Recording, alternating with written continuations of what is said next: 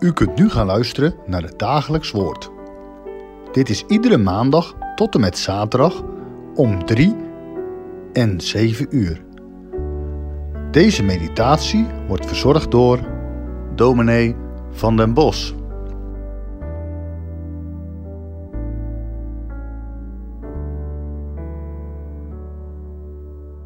Vandaag luisteren we naar de woorden uit Exodus 19 en ik lees daarvan de versen 1 tot en met 6.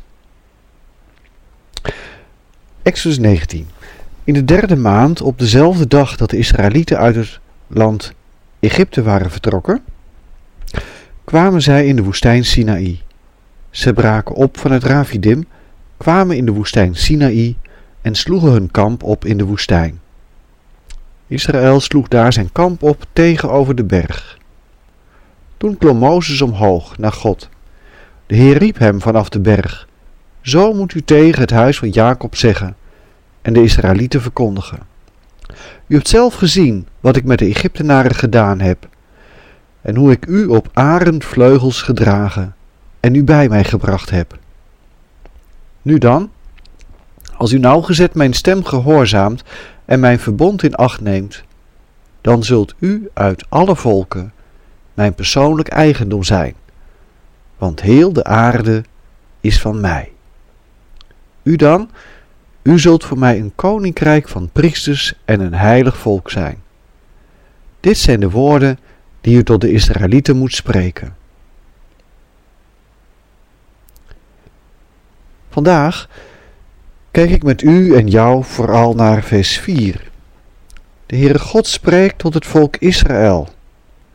Jullie hebben gezien, zo zegt de Heer, wat ik met de Egyptenaren heb gedaan, en hoe ik jullie op arendsvleugels heb gedragen, en u bij mij gebracht heb.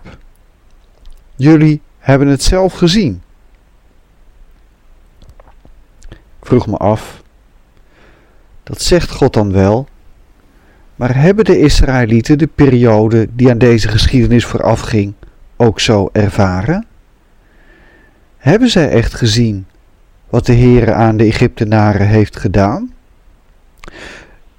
En hebben zij echt gezien dat de Heere hen op arendsvleugels heeft gedragen?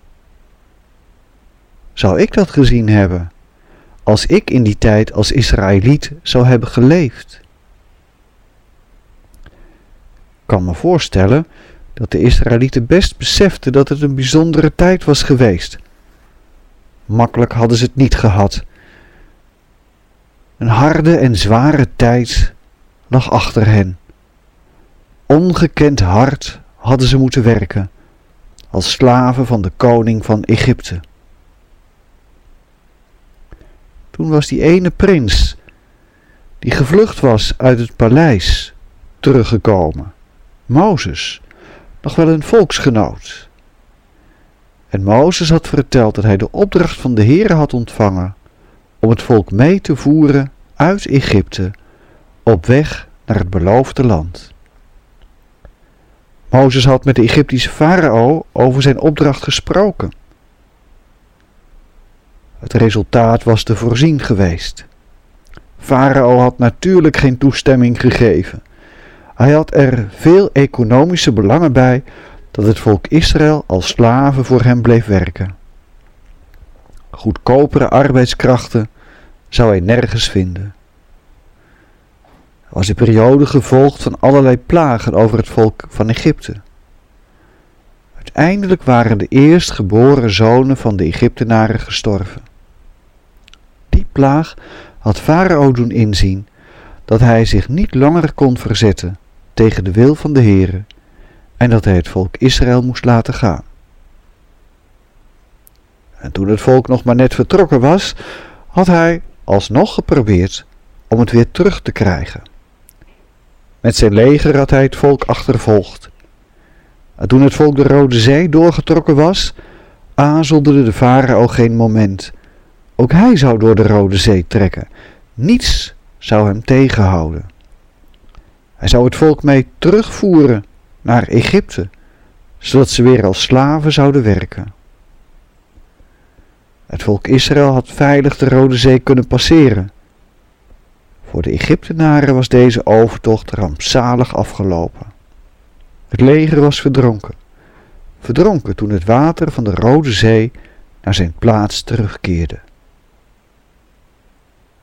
Hé, hey, die gebeurtenissen waren ze niet vergeten. Ze hadden het zelf meegemaakt, zelf gezien wat de Heer had gedaan aan de Egyptenaren. Wat de Heer zei, klopte helemaal. In het Bijbelgedeelte dat we lazen, zegt de Heer trouwens niet alleen maar dat het volk heeft gezien wat hij aan de Egyptenaren heeft gedaan.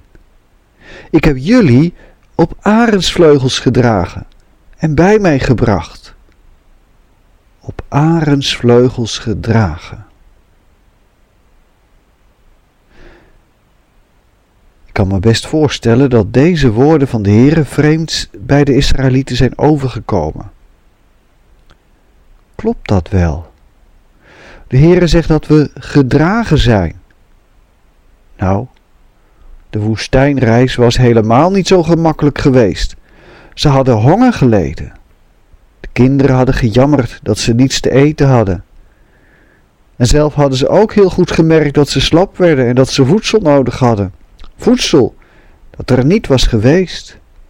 Ja, toen ze geklaagd hadden, had de Heer manna gegeven.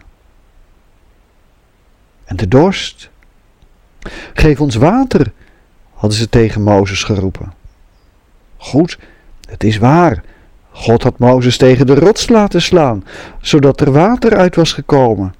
Het was dan allemaal wel goed gekomen, maar eenvoudig was het niet geweest. Om dan te zeggen dat ze op arendsvleugels zijn gedragen. De Heer heeft toch wel gezien hoe moeilijk ze het hebben gehad. Broeder en zuster, als ik de woorden uit vers 4 op me laat inwerken, dan maken die mij telkens weer duidelijk hoe moeilijk het voor mij is om niet mijn perspectief, maar Gods perspectief te zien. Als ik om me heen kijk, zie ik alleen maar corona en zorgen. Zorgen om gezondheid. Zorgen om de economie. Dat is toch de werkelijkheid waarin we leven? Is het dan onmogelijk om Gods perspectief te zien? Ja en nee. Ja, onmogelijk om Gods perspectief te zien, omdat ik zelf verblind ben.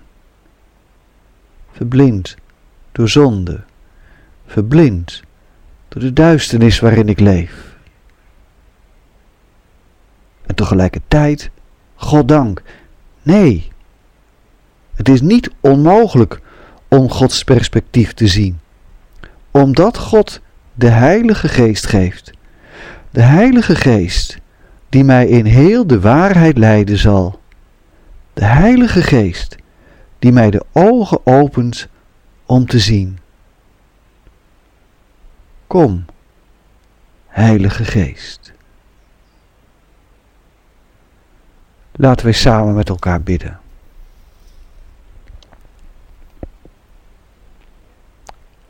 Trouwe God, liefdevolle Vader in de hemel. We mogen met elkaar dat ene stukje uit de Bijbel lezen. Hoe u met uw volk omgaat. Op weg door de woestijn. Hoe u het volk eraan herinnert wat u gedaan hebt om hen te bevrijden. Om het volk uw perspectief te laten zien. U hebt hen op arendsvleugels gedragen en bij u gebracht. Die God bent u nog steeds.